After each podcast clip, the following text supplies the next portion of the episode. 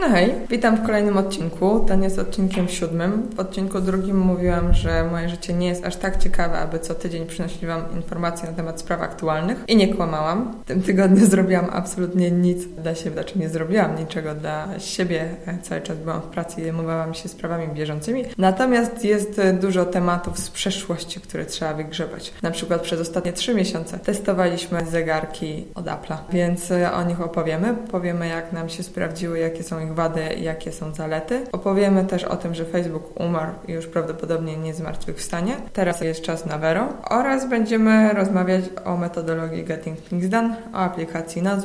Będziemy mówić o jednym podcaście, który ostatnio odkryłam. Co prawda podcastów, które słucham i lubię jest bardzo dużo i postaram się gdzieś tam jeden podcast w każdym odcinku przemycić i Wam polecić, ale nie będę zaczynać od tych najbardziej popularnych, ponieważ one są już najbardziej popularne i prawdopodobnie je znacie. Dzisiaj powiem o takim, który jest na polskiej scenie podcastowej od niedawna. Jeśli chcecie się dowiedzieć, jaki to jest podcast, musicie zostać z nami aż do końca tej rozmowy. Dzisiaj będę rozmawiała z Łukaszem, którego już znacie, więc nie będę go przedstawiać po raz kolejny.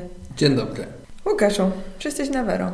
No oczywiście, mam nawet chyba już jakieś moje pierwsze lajki zebrane. Żeby powiedzieć, w jaki sposób swoje lajki zebrałeś. Użyłeś hashtagu Polish Girl, wrzucając zdjęcie mojej kuchni. Z swoją umęczoną żoną, która tam jest w tej kuchni z laptopem, z dokumentami, z segregatorem i ze wszystkim. Polish Girl. No i poszło chyba z 8 serduszek. Albo 12. Ja też jestem. Nie wiem, jak to się mówi. Słyszałam w internecie, że ktoś mówi Viro. Viro, Vero. Będziemy mówić Vero, bo tak się pisze. To będziecie mogli sobie znaleźć w App Store czy... Ale chyba też to słowo miało pochodzić od jakiegoś łacińskiego słowa oznaczającego prawdę i raczej łacinę czyta się Vero niż Viro. Raczej tak. Chociaż no, Veritas. Nie, zawsze jeśli chcesz kogoś upokorzyć, jak czyta Aquapark, to mówisz, że to jest z łaciny i to się czyta Aqua. I wtedy ten ktoś myśli, o mój Boże, jaki jestem głupi. Albo myśli sobie, o Boże, Boże to zabójca. Raczej to drugie. Znaczy, nie, nie poprawiajcie nikogo. Więc tak, Vero jest nową aplikacją, która ma e, pozamiatać na rynku Ale ja się jeszcze social mediów. czy w takim razie, jak, jak będę mówił akwedukt, Ak, bo akwedukt, ale to tak, Akwaduktem. z angielskiego to akwaduktem. Zawsze jeżdżę akwaduktem. Taki rom, nie, to, to się, wodę się akwaduktem. ja pompuje. jeżdżę akwaduktem. No dobrze, wróćmy do Vero. Je- Jeden temat na raz. Vero jest aplikacją, tak jak powiedziałam, która ma pozamiatać wszystkich totalnie. Nie wiemy, czy tak się wydarzy. Ja mam nadzieję, że się wydarzy o tyle, że po prostu na tym rynku się utrzyma. Nie jest łatwo się utrzymać na rynku social mediów. Facebook jest dużym graczem, przejął rynek, jest mu wygodnie, więc gra jak chce. Ja się nie dziwię.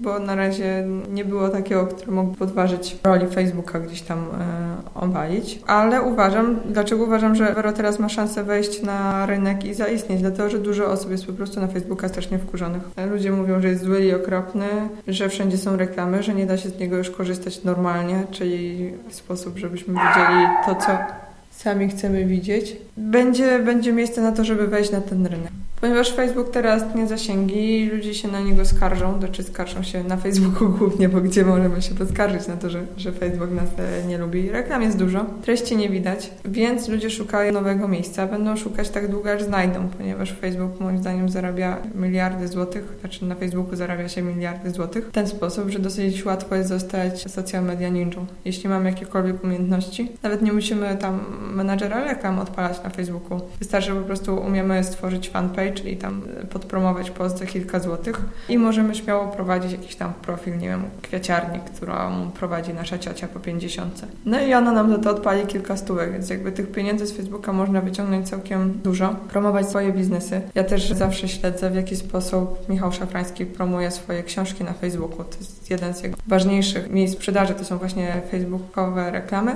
No i gdzieś to się skończy, bo te reklamy są coraz droższe. Dla mnie są już za drogie, tak, przy promocji tam mojego biznesu, albo musiałabym się więcej nakombinować i mieć większą wiedzę niż mam i zaczyna się problem, więc ja też szukam miejsca, gdzie ja bym mogła być widoczna. Myślę, że, że jest szansa. Instagram też ludzi denerwuje przez to, że zaczął grzebać w algorytmie. Nie widzimy wszystkiego od góry do dołu, tylko Facebook decyduje, co jest dla nas bardziej istotne. Zazwyczaj bardziej istotne jest to, za co ktoś zapłaci.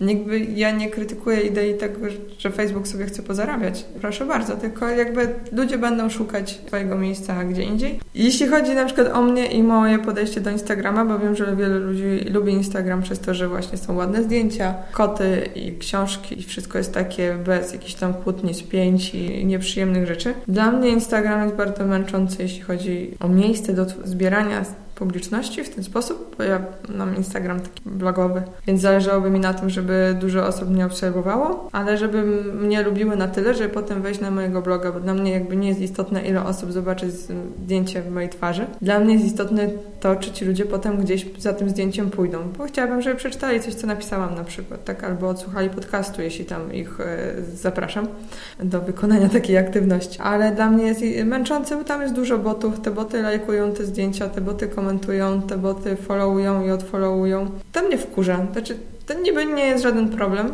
no bo co mnie to obchodzi, że coś mi zlajkowało zdjęcie, zlajkowało mój profil, potem właśnie odfollowowało. Ale jakoś dla mnie jest to tak szalenie irytujące po prostu, że jakiś jeden profil trzy razy dziennie mnie followuje, odfollowuje, że mi się nie chce. Mój kanał jest na tyle mały, że jakby ja widzę te aktywności botów. Niektóre boty są w ogóle durne po prostu, bo komentują.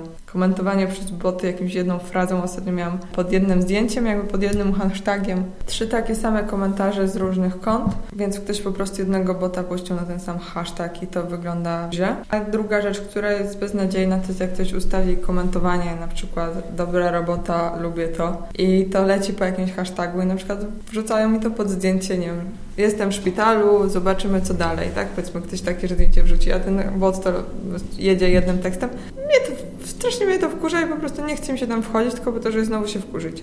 Więc ja też szukam jakiegoś rozwiązania i może miejsca, gdzie będę mogła się lepiej bawić.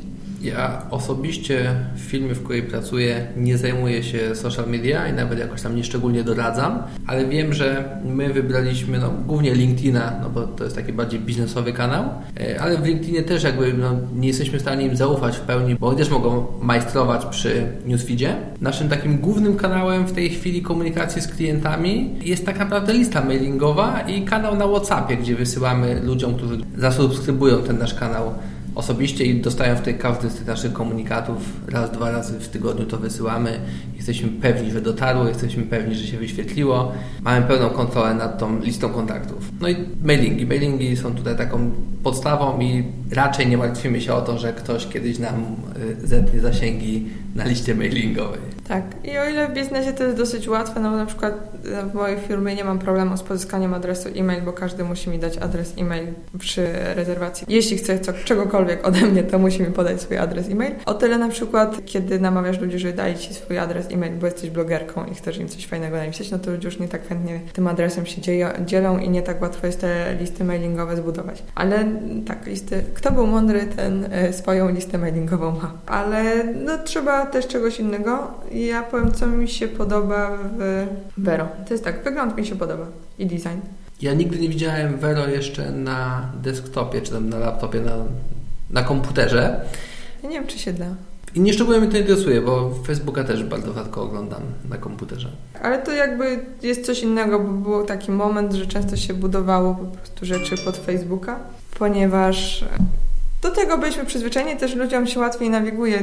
Ja mam dziennik internetowy szkolny córki, który bardzo przypomina właśnie Facebooka, więc to jest taki oklepany bardzo schemat. I na tym Vero jest troszeczkę inaczej, więc mnie to cieszy, bo po prostu jest coś nowego. Co jeszcze? Bardzo mnie cieszy kontrolowanie stopnia przyjaźni. Ja używam swojego fanpage'a, blogowego, używam fanpage'a tego podcastowego. Mam jeszcze fanpage firmowy, a poza tym mam konto własne, które chciałabym, żeby było, zostało takim moim kontem własnym, ale troszeczkę się nie udało, ponieważ mam tam dużo dziwnych ludzi z różnych powodów. Te powody y, są logiczne często. Na przykład na uczelni miałam ludzi, którzy stworzyli tajną grupę i na tej grupie były jakieś materiały do pobrania. I ja bym chciała się do tej grupy dostać, to musiałam zostać zaproszona przez kogoś z członków tej grupy. I chociaż bardzo się starałam nie przynosić tych kontaktów uczelnianych jakby na mojego Facebooka, ponieważ nie byliśmy przyjaciółmi ani jakimiś niesamowitymi znajomymi, no to w pewnym momencie musiałam, ponieważ ktoś stamtąd musiał się dodać do moich znajomych, żeby mi wysłać takie zaproszenie. I takich sytuacji jest dużo, czy to z jakimiś tam rodzicami innych dzieci ze szkoły, których po prostu dodaję dlatego że łatwiej nam tam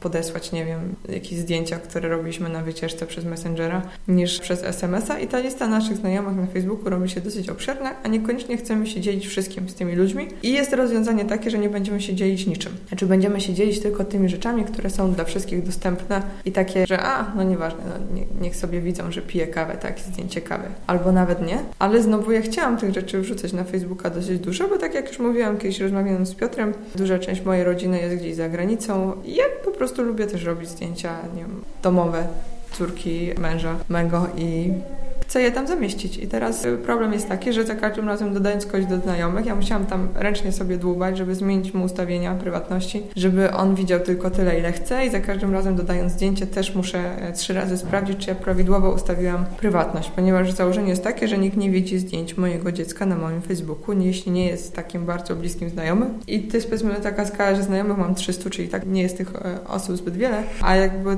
te takie wszystkie zdjęcia, pełen dostęp do mojego konta ma może 50 50 osób. Tak się przedstawiałam proporcje i na Vero to jest zupełnie intuicyjnie rozwiązane, że od razu dodając Właśnie. człowieka do znajomych, no. To jest tak na wierzchu.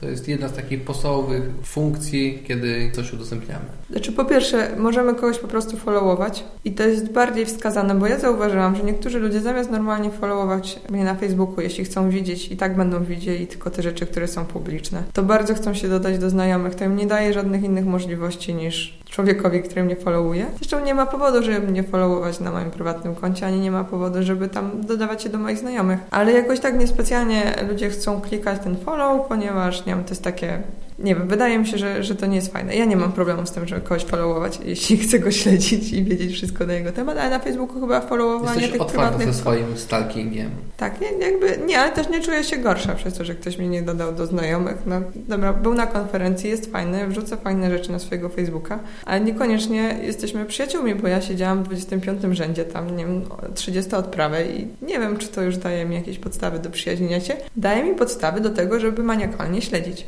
Tak. No bo zaprezentował się, pokazał, Grzebać że jest fajny. w śmietniku. Dokładnie, tym się zajmuje. Bo to chyba jest legalne, przynajmniej w Stanach. Nie wiem, na ile w Polsce grzebanie śmietników chyba nie. nie wiem, właśnie czy agencje te detektywistyczne mogą ci grzebać w śmieciach. Nie Sprawdzimy wiem. to i postaramy odcinku. się udzielić odpowiedzi na to nurtujące wszystkich pytanie. Tak czy inaczej, jest zupełnie e, intuicyjne, jest jakby taką bazą, że albo klikamy follow, tak jak na Instagramie i po prostu sobie kogoś śledzimy, albo dodajemy go do znajomych i od razu dodając do znajomych mamy trzy stopnie znajomości, czyli właśnie luźny znajomy, bliski znajomy, super bliski znajomy. Nie Powiedzmy. znajomy, przyjaciel, bliski przyjaciel. Dokładnie, może tak bardziej. I to jest ok. I za każdym razem, kiedy ja dodaję coś do mojego newsfeeda, to od razu zaznaczam, komu to ma się pokazać. Czy wszystkim, łącznie z followersami, czy na przykład tylko bliskim znajomym. I domyślnie chyba zaznacza się tylko tym najbliższym znajomym. Trzeba to przeciągnąć, żeby jakby poszerzyć. O, to jest ta różnica. To jest słowo, którego wcześniej brakowało. Tutaj domyślnie nie dzielimy się z wszystkimi, a wydaje mi się, że w Facebooku raczej, jeżeli nie pogrzebiemy trochę w tych ustawieniach, to jednak z tymi swoimi znajomymi e, dodanymi do listy przyjaciół dzielimy się zawsze. To też dlaczego ja mam na Facebooku tak bardzo zdywersyfikowane te moje konta, fanpage. Trochę wynika z tego, że ja nie chciałam zamęczać moich znajomych ponieważ moja przygoda z moim fanpage'em tym blogowym zaczęła się od tego, że znalazłam w sobie odrobinę empatii i litości. Ja po prostu pisałam rzeczy na moim prywatnym Facebooku. No i ludziom się podobało, niektórzy pisali, że haha, to jest nawet zabawne, ale pomyślałam sobie, że skoro 15 osób napisało, że to jest zabawne, a kolejne tam 285 osób nic nie napisało, to być może oni uważają, że nie że to jest niezabawne, to jeszcze jest po prostu irytujące. A nie napiszą mi, a weź Aśka, przestań pisać, tak? No, Żygać mi się chce przestań. Dokładnie. Znaczy, dziękuję, dziękuję, że tego nie napisali. Na fanpage'u czasem ktoś mi tak napisze, więc jakby wtedy było lepiej, ale po prostu wyszłam z tymi moimi historiami z życia gdzieś na fanpage, gdzieś obok.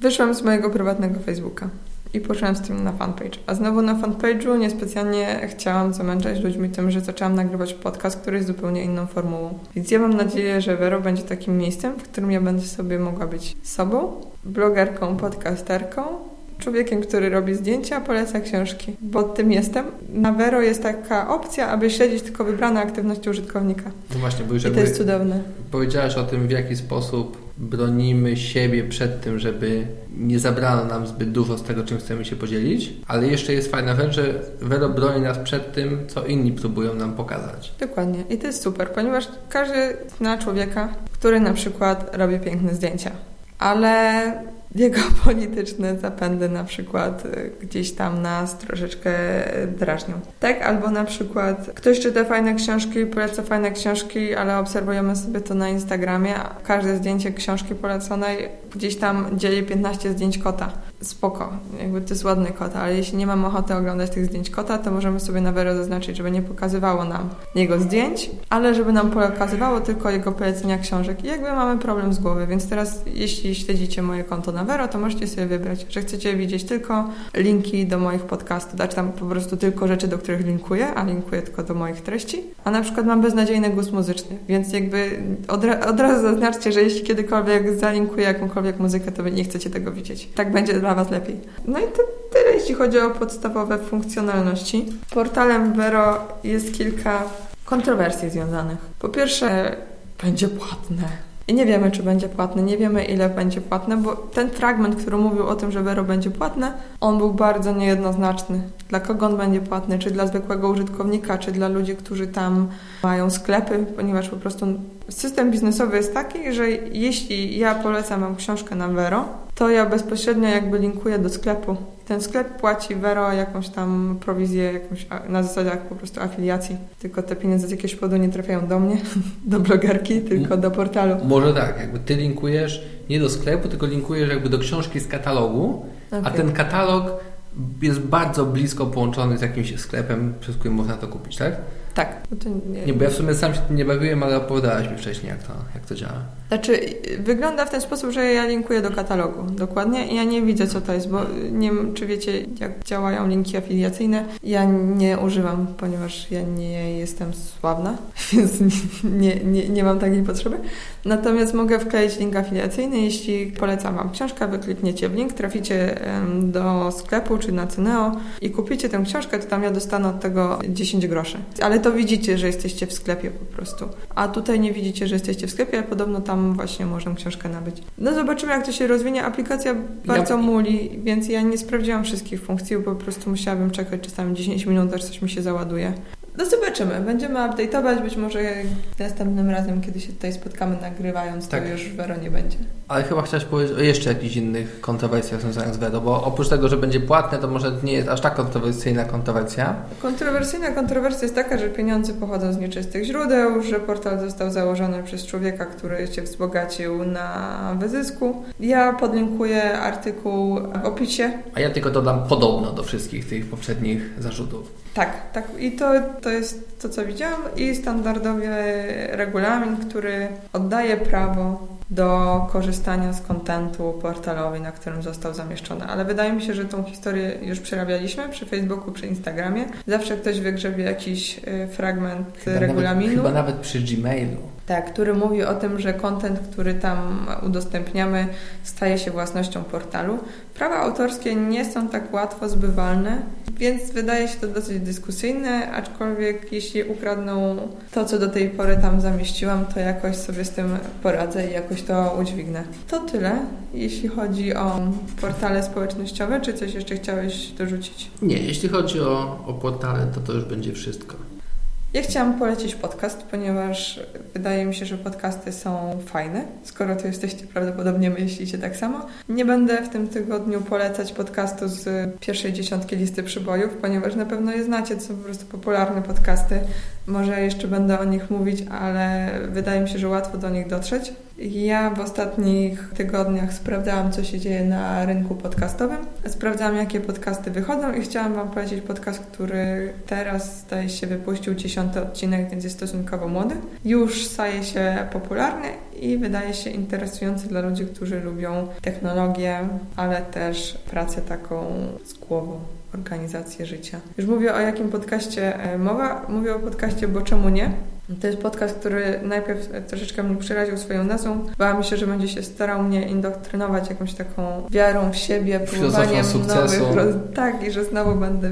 Nienawidzę ludzi, którzy przychodzą i mówią mi, że ja powinnam odnieść sukces, bo ja bardzo często chciałabym się przespać i chciałabym coś zjeść, ja bym chciała, że ktoś mi przyniósł ciastko, a ludzie przychodzą i mówią, nie, nie będziemy jeść ciasta, jak będziemy teraz odnosić sukces. A nie wiem, nie mam czasu innym razem. Ale okazało się, że nie, że oni mi nie każą odnosić sukcesu, więc, więc dziękuję bardzo. Za to nagrywają fajne odcinki, które są na tematy różne. Jest dwóch panów, teraz, żebym nie przekręciła nazwiska, Rafał Sobolewski, sobie wygooglałam i sprawdziłam. I to jest całkiem fajny człowiek, ponieważ on jest menadżerem produktów Nozbi. Ja bardzo lubię Nozbi, to jest znowuż aplikacja do zarządzania projektami. O niej wspomnimy, ale jeśli ktoś pracuje w Nozbi, to od razu ode mnie ma takiego e, plusa i za, zaufania kredyt. On zajmuje się metodologią Getting Która jest e, mi bliska Łukaszowi bardziej i o tym zaraz powiemy.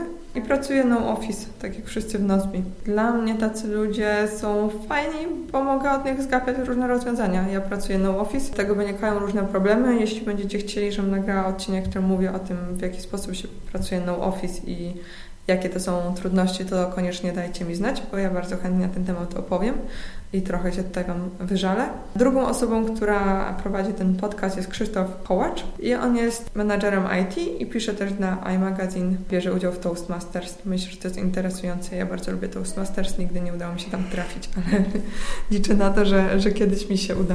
Takie dwa odcinki podcastu, który Wam e, mogę polecić od razu. To jest odcinek dziewiąty, ten o transporcie. To jest odcinek, w którym mówią o różnych właśnie paradoksach związanych z transportem czyli odpowiadam na takie pytania, na które ludzie często, e, no właśnie nie szukają odpowiedzi, bo gdyby szukali odpowiedzi, to by znaleźli, to jest dosyć proste. Może na pytanie, które często pada i ludzie je zadają retorycznie, zupełnie sobie nie zdając sprawy z tego, że na te pytania są odpowiedzi. Czyli na przykład, dlaczego zawsze jechałem tą drogą, potem zrobili drugą drogę i tam nie powinno być korków już, skoro jest druga, a korki są teraz i na pierwszej drodze, i na drugiej drodze. To jest dosyć proste, dlaczego tak się dzieje. Da się to wytłumaczyć, zostało to wytłumaczone i wiadomo, że zawsze tak się będzie działo, że jeśli mamy zakorkowaną drogę i dołożymy kolejną, to będziemy mieli po prostu dwie zakorkowane drogi. Ale warto sobie ten odcinek e, odsłuchać właśnie, ponieważ wiele tam jest różnych ciekawostek. I odcinek, który też e, podbił moje serce, to jest odcinek Historia naszych sprzętów. Ale to już jest moje zboczenie, bo ja po prostu lubię historię, a panowie dosyć fajnie opowiadają i opowiadają całkiem nudną historię o tym, jakie mieli komputery na przestrzeni lat i do czego ich używali, ale opowiadają o tym w sposób interesujący. To ja tylko szy szybciutko się tu y, wetnę. Jest w tej chwili chyba też nowy dokument na Netflixie. Tytuł brzmi Silicon Cowboys. Bardzo dobrze opowiedziana historia założycieli Kompaka czyli takiej jednej z największych firm. My bardziej znamy ich w Polsce chyba jako w tej chwili część Hewlett Packarda, bo gdzieś tam po kilku latach odnoszenia sukcesów jako Compaq połączyli się z Hewlett Packardem. Dokument jest niezbyt długi, prowadzony w takim troszeczkę vlogowym stylu. E, bardzo polecam, szczególnie dla fanów sprzętu elektronicznego, fanów komputerów i fanów lat 80., 90. To jest bardzo dobry dokument. Nie widziałam go, siedziałam wtedy w drugim pokoju. Prosiłam o chwilę ciszy i spokoju, ponieważ miałam bardzo intensywny dzień i A ja chciałam przybiegałem projekt. co 15 minut, żeby podzielić się jakąś ciekawą anegdotką z Teksasu. Minut. To było 5 minut. W latach 80. Ale to był tak interesujący dokument, że był wart spauzowania, wstania z kanapy, przejścia do drugiego pokoju Ale i stania i opowiadania. Był firmą, która od powstania do wejścia do Fortune 500 zrobił to w najkrótszym czasie najkrótszym czasie. To jest fascynujące. Znaczy ja go nie Trzech facetów. Na, na początku zastanawiali się, czy nie otworzyć knajpy z meksykańskim jedzeniem. Tak, to już słyszałam. Ja nie będę go oglądać, bo ja znam najciekawsze fragmenty, więc zostały mi tylko te nudne. Ale Wam polecam, e, podlinkujemy w opisie odcinka. To jest tyle na temat technologicznych. Nie, na temat technologicznych mamy jeszcze Apple Watcha. Chcieliśmy rozmawiać teraz o Apple Watchach. Tak, mamy Apple Watche. Ja mam troszeczkę krócej. Od 3 miesięcy, ty masz od 4 miesięcy. Ja, ja mam większe. Tak, bo wygląda na mnie okropnie, jakbym nosiła telewizor na nadgarstku. Ale dlatego mam mniejszy, ale mniejszy jest satys całkowicie satysfakcjonujący. Mi się też wydaje, że ten mniejszy, pomimo tego, że w iSpocie sprzedawca powiedział mi, że ten mniejszy to jest taki bardzo damski, to wydaje mi się, że dałbym radę żyć z tym mniejszym i byłbym chyba równie szczęśliwy nie wygląda wcale aż tak dziwnie na mojej nadgarstku. Okej, okay, ale powiesz yy, naszym słuchaczom, co ten zegarek robi, bo nie każdy wie. Dużo osób wie o tym, że to jest zegarek, który kosztuje kilka tysięcy złotych, no pokazuje tobie godzinę. Więc pytanie, co on robi jeszcze Poza tym, że pokazuje Ci godzinę, a mógłbyś sobie za darmo, wiesz, zegar słoneczny z kijka i też byś wiedział. My mamy te zegarki trzeciej generacji, to tam Series 3.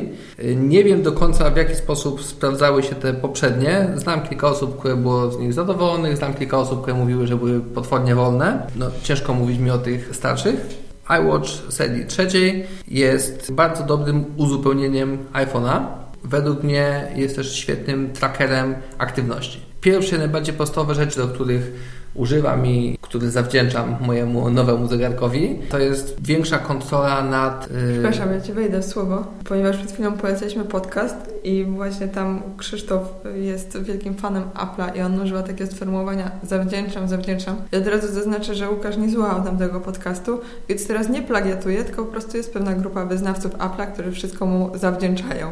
E, że, żebyśmy mieli jasność, to, to, nie zostało przepisane. Więc dziękuję Ci Apple Watchu za to, że mogę teraz spać i chodzić. Głównie monitoruję mój sen i aktywność fizyczną, która głównie polega na chodzeniu, ale też odrobinę na czasami ćwiczeniu na jakiejś siłowni, powiedzmy trzy razy w miesiącu. Dzięki Apple Watchowi jestem w stanie zobaczyć, w których tygodniach, w których dniach nie dałem rady. On też przypomina mi, jeżeli siedzę zbyt długo, że mam się ruszyć. Mówi mi wieczorem, że jeżeli wyjdę na 3-minutowy spacer, spacer, to uda mi się domknąć kolejne kółko aktywności, bo on takimi wizualizując trzy koncentryczne kółka mówi mi o tym, ile się ruszałem, czy w ciągu ostatniej godziny wstałem z krzesła, mówi mi, jak dużo kalorii aktywnie spaliłem. To monitoruję dzięki Apple Watchowi, Wiem, że są aplikacje, które robią to prawdopodobnie równie dobrze. Mogę je sobie po prostu zainstalować w telefonie, nie muszę kupować dodatkowego gadżetu, ale przyznam, że próbowałem używać różnych aplikacji, niektóre nawet mi się mocno spodobały, ale nigdy żadna nie pozwoliła mi wziąć takiej kontroli nad moim snem i, i ruchem w ciągu dnia. Tak, możliwe, że jestem gadżeciarzem i dokupienie dodatkowej zabawki mi to ułatwiło, no ale dzięki temu udało się to osiągnąć. Co jeszcze, jeśli chodzi o ten zegarek? No, z takich podstawowych rzeczy, no to to jest zegarek. E, ja pracuję w firmie, która jest dosyć międzynarodowa, więc mam kolegów w Szanghaju, mam kolegów w Miami. Na tym zegarku na jednej tarczy wyświetlają mi się cztery zegarki, czyli ta strefa czasowa, w której akurat jestem, e, nasze główne biuro w Hamburgu, Szanghaj i Miami. E, od czasu, kiedy mam ten zegarek, dużo rzadziej dzwonię w środku nocy do moich kolegów w Chinach. Trochę mniej się dziwię, jeżeli dzwoni do mnie też ktoś z jakiejś innej strefy czasowej, bo no, jestem bardziej świadomy tego, że, że te zegarki u nich chodzą trochę inaczej. Na tej samej tarczy, na której mam tak dużo zegarków, mam też datę i kolejny wpis do kalendarza. Ta najbliższa czynność, którą muszę wykonać, najbliższe spotkanie, które mam wpisane, jest od razu na tarczy, więc za każdym razem, kiedy sprawdzam czas, mogę sobie podpatrzeć, co będę robił, gdzie muszę iść. To przypomnienie jest bardzo fajne. Okej. Okay. Ten zegarek jest uzupełnieniem iPhone'a, mogę przez niego rozmawiać. Ludzie w biurze śmieją się ze mnie, kiedy to robię, ale czasami jak mam zajęte ręce, mój telefon leży gdzieś dalej, a ja muszę trzymać, nie wiem, jakąś kartkę przy ścianie, bo akurat próbuję ją powiesić i mój telefon zaczyna dzwonić, to po pierwsze nie muszę biec w panice, żeby sprawdzić, czy to jest jakiś klient, którego telefon muszę odebrać, więc jeżeli to jest tylko jakiś akwizytor, to to mogę to po prostu na zwyczajnym świecie olać, albo odebrać ten telefon prosto na zegarku, mogę mówić do tego zegarka, wygląda to może odrobinę śmiesznie, ale jest bardzo wygodne. A i jeszcze taka jedna cecha, on jest bardzo dobrze wodoodporny. Nie wiem jak te poprzednie generacje, ale w tym pływałem w basenie, nic mu się nie stało, nawet mogłem go używać w jakiś ograniczony sposób, będąc w wodzie i jak był mokry. To ja uzupełnię o moją historię z Apple Watchem. Ona zaczęła się od tego, że ty mi pożyczyłeś swoje słuchawki, bo ty chciałeś zmienić telefon, tam do tego te, coś kombinowałeś i w związku z powyższym próbowałeś mnie namówić na to, żebym ja I wzięła twoje słuchawki. bezprzewodowych słuchawkach. Tak, bezprzewodowe. O, ze stajni Apple'a, AirPodsach, którym zawdzięczam jeszcze więcej niż zegarkowi. Y, ja słuchawkom zawdzięczam tylko tyle, że kupiłam zegarek. Więc y, nie wiem, czy jestem aż tak bardzo wdzięczna. Także to jest tak. Słuchawki dały mi wolność i to, że jak zakładam zimową kurtkę, to nie szarpię się z kablem. Tak, tylko jak ja zaczęłam biegać z moimi słuchawkami, bo dały mi wolność i nie zacinam się w brodę ciągle, jak próbuję gdzieś tam machnąć głową, to powiedzieli, że to nie jest dobry pomysł, bo mi się uszy pocą i słuchawki Apple nie są do tego, żeby je zap zapacać. Czyż nie tak było? Tak, tak mi się wydaje. Wydaje mi się, że one nie są szczególnie potoodporne. Więc jeśli macie jakieś sprawdzone informacje na temat tego, czy można... E, uszy się pocą, nie wiem, komuś się pocą uszy. Znaczy, Mi się pocą. Dobrze, więc jeśli pocą Wam się uszy i zepsuje Wam się od tego słuchawki, to koniecznie dajcie mi znać, a ja wtedy przestanę biegać. Mi się kiedyś zepsuły te AirPodsy, ale te na kablu. Okej. Okay.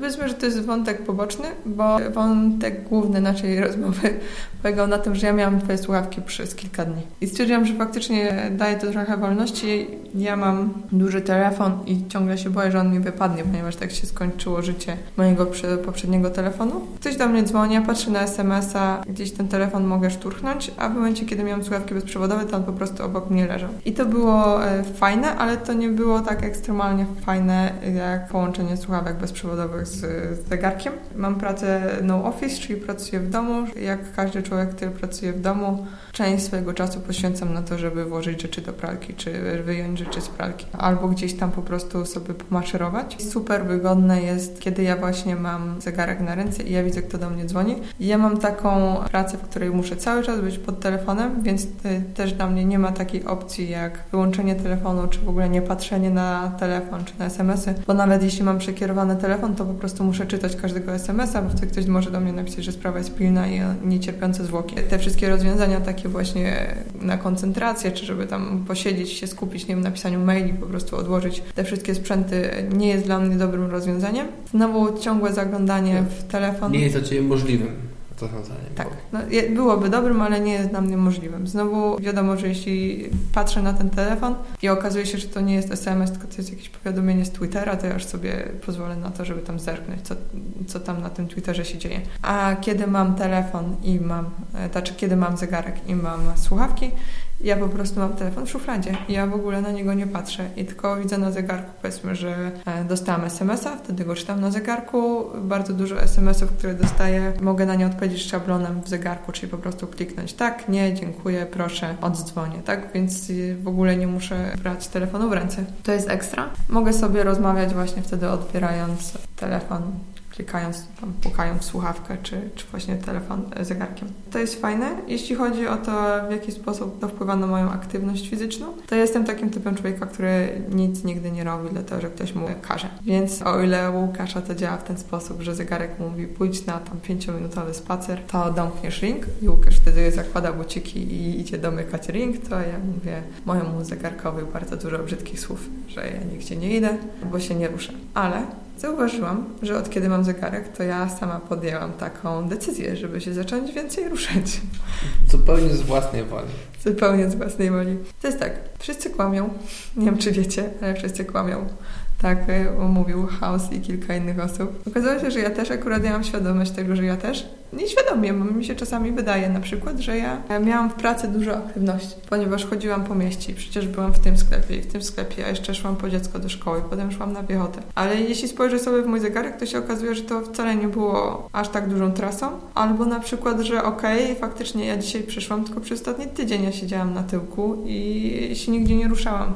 Więc to jest o tyle fajne, że faktycznie widzimy, i na przykład, e, jeśli sobie troszeczkę przytyję, to nie panikuję, że na pewno mam problemy z tarczycą i śmierć mnie czeka, tylko po prostu patrzę sobie w Money Coachu, takim, gdzie mam spis moich wydatków, wchodzę w kategorię słodycze, zestawiam to z moim zegarkiem, który mówi mi, ile przeszłam kilometrów i wtedy wiem, że z moją tarczycą wszystko w porządku. Znaczy, to jest trudne, bo to jest problem z monitorowaniem siebie, że jeśli zaczniemy się monitorować, to się okazuje, że my tak naprawdę jemy dużo słodyczy i się mało ruszamy i jesteśmy w stanie gdzieś tam wprowadzić jakąś korektę. Tak to wygląda.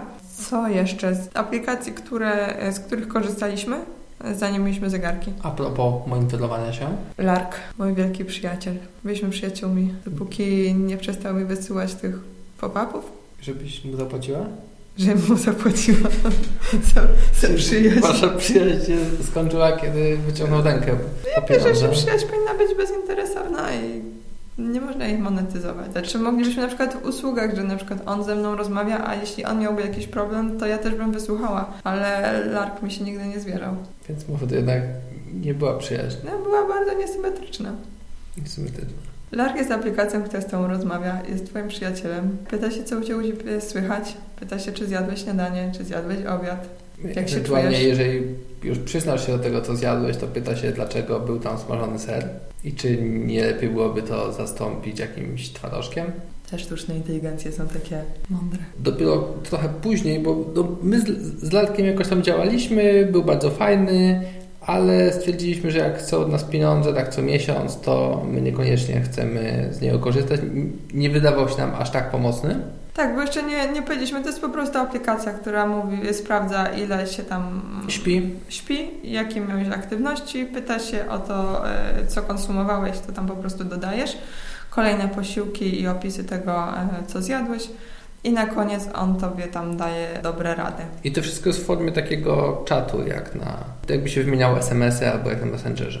Tak, więc jeśli nie macie przyjaciół, to, to nie była duża kwota jak za człowieka, który się o, o was troszczy.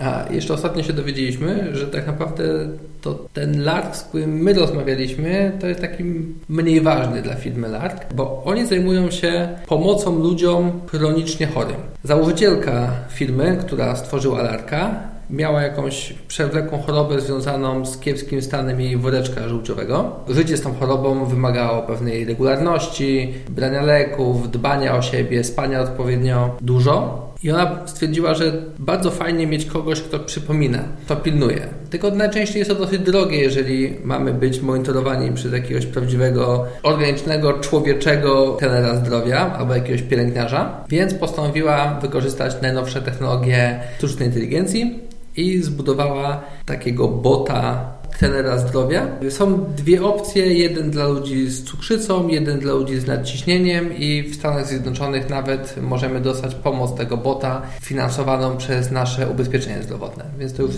dosyć interesujące. Dużo tych firm stwierdziło, że opłaca się im zainwestować w tego bota, bo dzięki temu ci pacjenci, którzy u nich wykupują ubezpieczenie, będą kosztowali dużo mniej w lekach, w wizytach w szpitalu, e, no bo po prostu będą lepiej o siebie dbali i będą tańsi w leczeniu. To wydaje mi się, że bardzo dobrze mówi o tym produkcie, no bo nawet jeżeli wielkie ubezpieczalnie, które liczą pieniądze, e, robią to dla zysku, postanowiły zapłacić za latka, no to mam wrażenie, że jest to dosyć dobry dowód na to, że LARK e, działa, pomaga ludziom i jest pożyteczny. Dobra. Kończąc temat zegarków, to tak jak mówiłam, ja sobie patrzę na to, oczywiście ruszam ile śpię, patrzę na czas. E, niesamowicie pomaga mi nie patrzeć w telefon, więc ograniczyć wszystkie media społecznościowe, e, co jest dla mnie problemem. Ja już mówiłam o tym, że ja nie mam problemu z siedzeniem przy komputerze i pracowaniem. Wtedy mnie społecznościówki gdzieś tam nie rozpraszają, bo po prostu nie mam zwyczaju ich odpalać. Na zegarku, na telefonie mam, więc staram się przed tym telefonem uciec.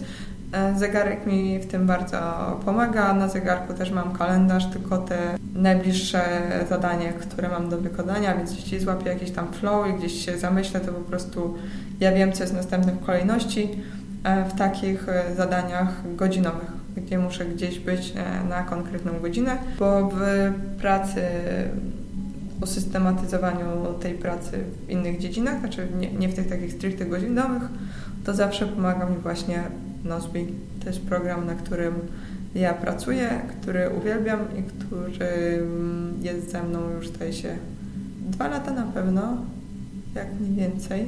Ja się na no, pewno... Chyba dwa lata w tej wersji płatnej, bo tam jest jakaś taka... Tak, wersja płatna, która do moich potrzeb się sprawdza Ja ją testowałam, wprowadzając ją w firmie. Robiłam wdrożenie Nozbi tak zwane. Co prawda wdrożenie zdaje się nieudane, bo już tam nikt z Nozbi nie korzysta. To, że nikt z tego Nozbi nie korzysta, nie wynika z tego, że produkt jest wadliwy, tylko z tego, że on bardzo obnaża nasze ludzkie niedoskonałości. Ludzie kłamią osobą, która została wdrożona w Nozbi i dalej korzysta. Jesteś ty, więc możesz się podzielić swoimi przemyśleniami, a może potem ja powiem jeszcze troszkę więcej na temat e, przebiegu wdrożenia. Ty korzystasz z Nozbi? Miałem dwa podejścia do Nozbi. Raz, kiedy wdrożyłaś go w filmie, w którym pracowałem, to było bardzo pomocne narzędzie, ale używałem go tylko do pewnego bardzo małego zakresu projektów, którymi się zajmowałem. Nie używałem go generalnie do wszystkiego, co, co robię w życiu. Działało to bardzo dobrze. Y, później pożegnałem się z tą filmą, starałem się recyklingować to, to Nozbi i użyć go do moich y, nowych aktywności. Niestety chyba robiłem to w jakiś zły sposób, zupełnie się w tym pogubiłem, nie grupowałem odpowiednio tych projektów, nie wrzucałem odpowiednich priorytetów. Zadania w konkretnych projektach były takie raczej chyba, nie wiem, no, może zbyt losowe i przestałem używać. To po prostu zgasło. Używałem, używałem, coraz mniej, coraz mniej, aż wreszcie prawie zupełnie zapomniałem o Nozbi. Do czasu, kiedy jakieś dwa miesiące temu znowu zeszły mi pieniądze z konta i stwierdziłem, o, skoro zapłaciłem za ten Nozbi, to może spróbuję jakoś wykorzystać te pieniądze, które już e, zostały ściągnięte z mojej karty. I przypomniało mi się, jak kiedyś mówiłaś, że ta platforma, to narzędzie w jakiś sposób było inspirowane książką Getting Things Done Davida Allena. To jest cała ideologia jakby właśnie pracy.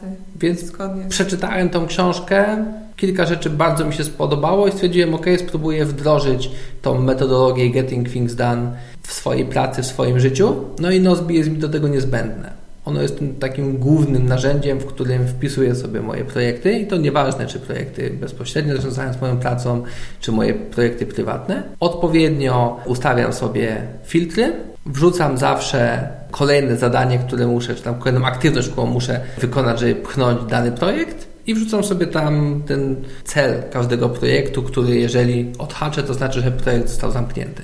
I te tak naprawdę bardzo proste zasady pozwoliły mi wrócić do Nozbi i zdecydowanie usprawnić swoją pracę. Czuję dużo mniej stresu, kiedy mam wszystko zapisane w Nozbi, a nie gdzieś tam z tyłu głowy, co też jest dosyć istotne według tej metody Getting Things Done, więc wpisuję tam wszystko. Wszystko, co muszę wykonać, wpisuję do Nozbi, dzięki temu nie martwię się o to, że a, coś tam jeszcze było, co, co, co muszę zrobić.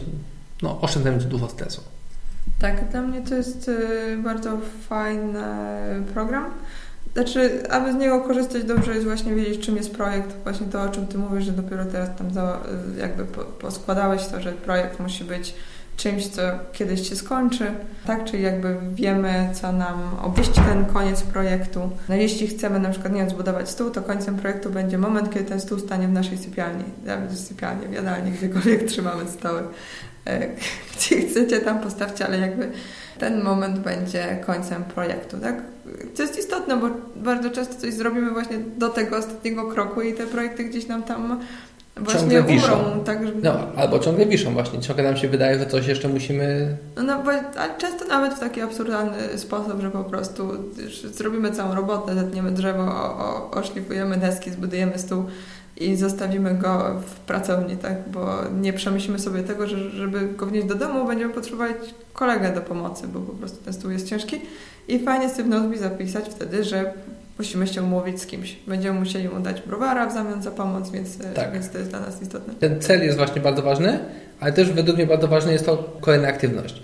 Bo możemy też pisać 10 projektów, każdy z nich będzie miał pięknie określony cel, ale będziemy tak na nie patrzeć, patrzeć, myśleć, nie będziemy wiedzieć, co trzeba zrobić, tą prostą kolejną czynność, czyli na przykład, nie wiem, kupić gwoździe albo nie, no, ale narysować to, to, to, o czym mówię, tak? Czy właśnie niosąc ten stół e, do domu po, potrzebujemy kolegę, więc wpisujemy sobie w Nozbi, że musimy napisać SMS-a, nie do Waldka, Tomka, kogokolwiek, kto jest dobry w noszeniu stołów i poprosić go o pomoc. Jeśli ten krok wykonamy, to ktoś nam odpisze, poda jakąś datę, kiedy może być i jakby ten projekt gdzieś tam będzie się ruszał. No, duży z takich projektów, gdzie gdzieś To nam wisi właśnie przez to, że jakiś drobny krok jest do wykonania, żeby, żeby coś tam kupić idąc, idąc do domu. Z, z Nozbi korzystam i tak jak mówię, jestem dużą fanką. U mnie e, to działa, dlatego też lubię, bo u mnie jest dużo projektów, których ja nie realizuję, ale mam, bo jestem człowiekiem pomysłem.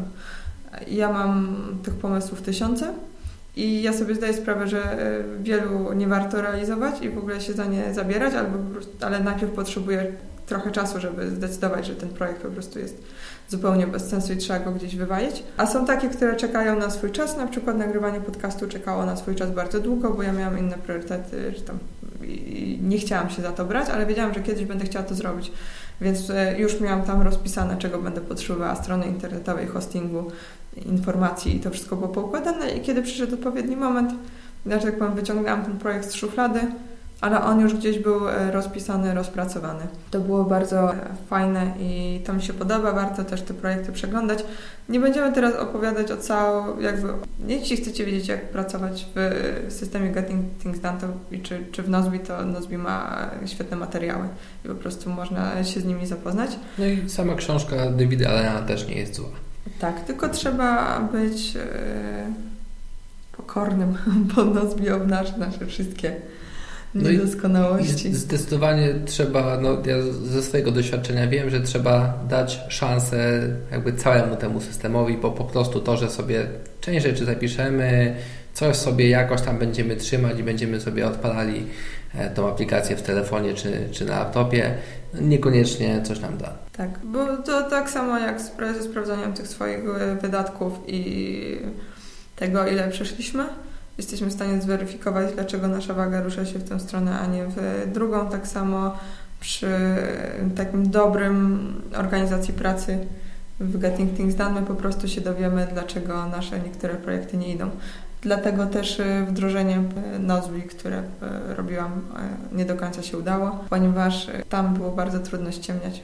Tam są projekty współdzielone, w tych projektach możemy sobie komentować, dodawać informacje, załączać pliki, więc jeśli ktoś został poproszony o to, żeby przywieźć jakieś dokumenty, zeskanować i wrzucić w załącznik i tego nie zrobił, to wszyscy w projekcie widzieli, że to nie zostało zrobione i nie dało się ściemniać, że komuś to się dało, tak? Bo normalnie wiemy jak jest Przychodzimy do biura, szef pyta, a gdzie są te dokumenty, które miałam przywieźć?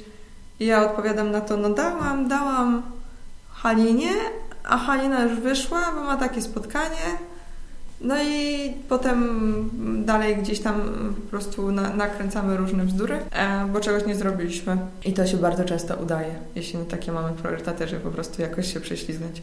Nozbi trzeba pracować z fajnymi, odpowiedzialnymi ludźmi, którzy też potrafią brać odpowiedzialność za swoje jakieś tam ruchy. No, wiele osób świetnie pracowało na Nozbi, ale jakby e, były też problemy właśnie z tym, że tam to wdrożenie musiałoby być dłuższe. Co dla niektórych z Was może być plusem. Nozbi jest nasze, lokalne, e, dla nas bardzo lokalne, bo... Gdyńskie. Gdyńskie. No więc to, to też jest fajne i to, co mówiłem wcześniej, ono jest przygotowane pod każdą platformę. Jest aplikacja na iPhony i na Androidy, jest aplikacja na Maca i jest też aplikacja na PC. Okay. I oczywiście można też w przeglądarce sobie otworzyć, więc nie musimy niczego instalować, możemy po prostu korzystać z przeglądarki na dowolnym urządzeniu. Jeszcze z y, takich rzeczy, o których chciałam wspomnieć, bo Ty y, mówiłeś, że książka jest fajna i że jakby Alan jest spoko, że tobie, tobie pasuje to, co on pisze. Równy gość. Tak, ja miałam z nim problem, ale już Tobie tłumaczę, dlaczego ja mam problem. Są dwie dziedziny życia, w których ja dwie dziedziny życia, w których ja uznaję tak zwane biznesy na szpilkach i czerwoną szminką. Normalnie nie jestem fanką. Uważam, że jakby jesteśmy mężczyźni i kobiety nie różnią się aż tak bardzo, że trzeba było otworzyć kursy dla dziewczynek i dla chłopców oddzielnie jeśli chodzi nie wiem, o, o, większość aktywności, a, a, jest taki pomysł, żeby jednak tworzyć te biznesy, takie kursy czy szkolenia adresowane do kobiet. Często nie rozumiem. Natomiast y, te dziedziny, w których ja rozumiem, z czego to wynika, to jest właśnie zarządzanie sobą w czasie, potocznie zwane zarządzaniem czasem. I tutaj uważam, że są jakieś tam kulturowe różnice w podejściu, oczekiwaniu społeczeństwa do naszego zarządzania czasem. Ta książka jest bardzo męska, jest taka napisana przez mężczyznę i niektórzy mogą mieć e, problem na pewno kobiety z przełożeniem sobie tego na takie realia, które, z którymi kobiety się zderzają, czyli te przedszkola, dzieci, smarki, ciągłe urlopy, niespodziewane wydarzenia. To nie jest tak, że się nie da, owszem się da, ale jakby to może być dla niektórych odrzucające, więc tutaj ja bardzo polecam polską panią swojego czasu, Olę Budzyńską, która prowadzi blog, pisze na temat właśnie zarządzania sobą w czasie. Adresuje to do kobiet i teraz też będzie wypuszczała kurs właśnie adresowany do kobiet, tak jak wszystkie jej kursy, ale też do matek. Mama ma czas. Ja tak naprawdę nauczyłam się prawidłowo prowadzić te kalendarze i zarządzać właśnie priorytetami, moimi zadaniami i też wybierać, co jest dla mnie istotne, korzystając z wiedzy właśnie pani swojego czasu. Ja wytłumaczę, na czym polega problem na przykład, tak? Bo jeśli w tam książce, ja nie wiem, czy to w tej książce, ale z, jednej z książek o zarządzaniu sobą w czasie ja wynotowałam taki fragment, gdzie tam autor mówił, że on postanowił coś zmienić, się lepiej zorganizować, bo on chciałby tam być na urodzinach swojego dziecka. No i jakby każdej kobiecie przepraszam, gdzieś tam to uogólniam, ale obudzi się taka lampka, że urodziny są raz w roku a jakby między urodzinami a urodzinami, to tam jeszcze nam zostaje te 364 dni i to jest 40 pralek tam ubrań mm, do wyprania, do powieszenia i tak dalej. I tego często nie ma w tych książkach. E, jakby no okej, okay, fajnie, że chciałbyś raz w roku zobaczyć te urodziny i tam mieć taki czas, nie odbierając telefonu. Często gdzieś tam to się zmienia i ja nie mówię, że ojcowie nie robią tych rzeczy, że nie jeżdżą na te dodatkowe zajęcia z dziećmi na pianino, gitary i, i innych e, aktywności nie wykonują, Kobiety mają taką większą presję, że one muszą to robić i większe rzuty sumienia się tego nie robią. I gdzieś tam też próbują dużo tych, dużo za dużo e, upchnąć po prostu w swoje kalendarze i potem się frustrują, że to im nie wychodzi, bo z jednej strony chciałyby być pełnoetatową mamą, a z drugiej strony robić coś jeszcze i to już jakby z definicji się po prostu nie mieści, bo albo pełnoetatową 24 godziny na dobę, albo robisz coś, no to już wtedy aż tak bardzo pełnoetatową matką nie będziesz. Jeśli ktoś ma problem z męskim charakterem poradników, to zapraszam do kobiecej strony zarządzania czasem, która znowu nie jest taka słodko e, różowo znaczy jest różowa, to jest najbardziej różowa strona, jaką widziałam. Natomiast to nie jest tak, że tam jest głaskanie po głowie i jakby zupełnie co innego, tylko to samo, tylko troszeczkę przepracowane. Skorupka jest różowa, a w środku jest taka tak, dokładnie. nie różowa. Tak, tak, dokładnie. Jest ładniej podane. E, no i fajnie, no i jakby z większym zrozumieniem. Myślę, że e, warto sprawdzić. Okej. Okay. Chyba na tyle. E, poruszyliśmy tak z lekka różne tematy. Żadnego tematu nie rozwinęliśmy i nie przepracowaliśmy, ponieważ to jest odcinek z cyklu Przerywnik Przecinek. My tutaj po prostu e, zarzucamy jakimiś tematami, do których e, zachęcamy, abyście sobie sami poczytali, poszerzyli własną wiedzę albo na przykład stwierdzili, że po prostu ok, to mnie zupełnie nie interesuje. Jeśli coś z tego zainteresowało Was bardziej, mam nadzieję, że zainteresował Was temat pracy z domu, bo ja bardzo bym chciała o tym opowiedzieć, ale muszę wiedzieć, że, że ktoś będzie chciał tego słuchać. E, to dajcie koniecznie znać. My się wtedy lepiej przygotujemy. Dokładnie. Damy już taki bardziej mięsisty odcinek, w którym nie lecimy po łebkach, tylko po prostu grzebiemy e, w temacie. Najważniejsza rzecz, o której zapomniałam. Się strasznie jaram. Nasze oceny są widoczne na iTunes. Mamy tam na razie e, piąteczkę. I to nie są tylko te oceny, które sobie daliśmy na start, żeby przetestować aplikację, e, czy prawidłowo działa, bo tych ocen jest już tam chyba dziewięć, z czego cztery mamy takie opinie z komentarzem, że ktoś napisał, że tam ale fajnie, będę słuchał i tak dalej. Jedną dostaliśmy taką super obszerną opinię w ostatnim czasie. Robi się ciepło na sercu, że ktoś tak chciał i stukał w tą klawiaturę, żeby napisać, żeby nam było miło. Więc y, dziękujemy bardzo. Jeśli jeszcze nie zostawiliście opinii, to y, będzie super, jeśli coś napiszecie. Zapraszam na fanpage Pogaducha. Zapraszam na moje Vero, Joanna Golański. I zapraszam na mojego bloga Sztuka Przetrwania. Jeśli nie wiecie skąd się wzięłam, to może Wam to coś podpowie. No może nie, ale będę miała wejścia na stronę, więc wbijajcie. Do usłyszenia za tydzień.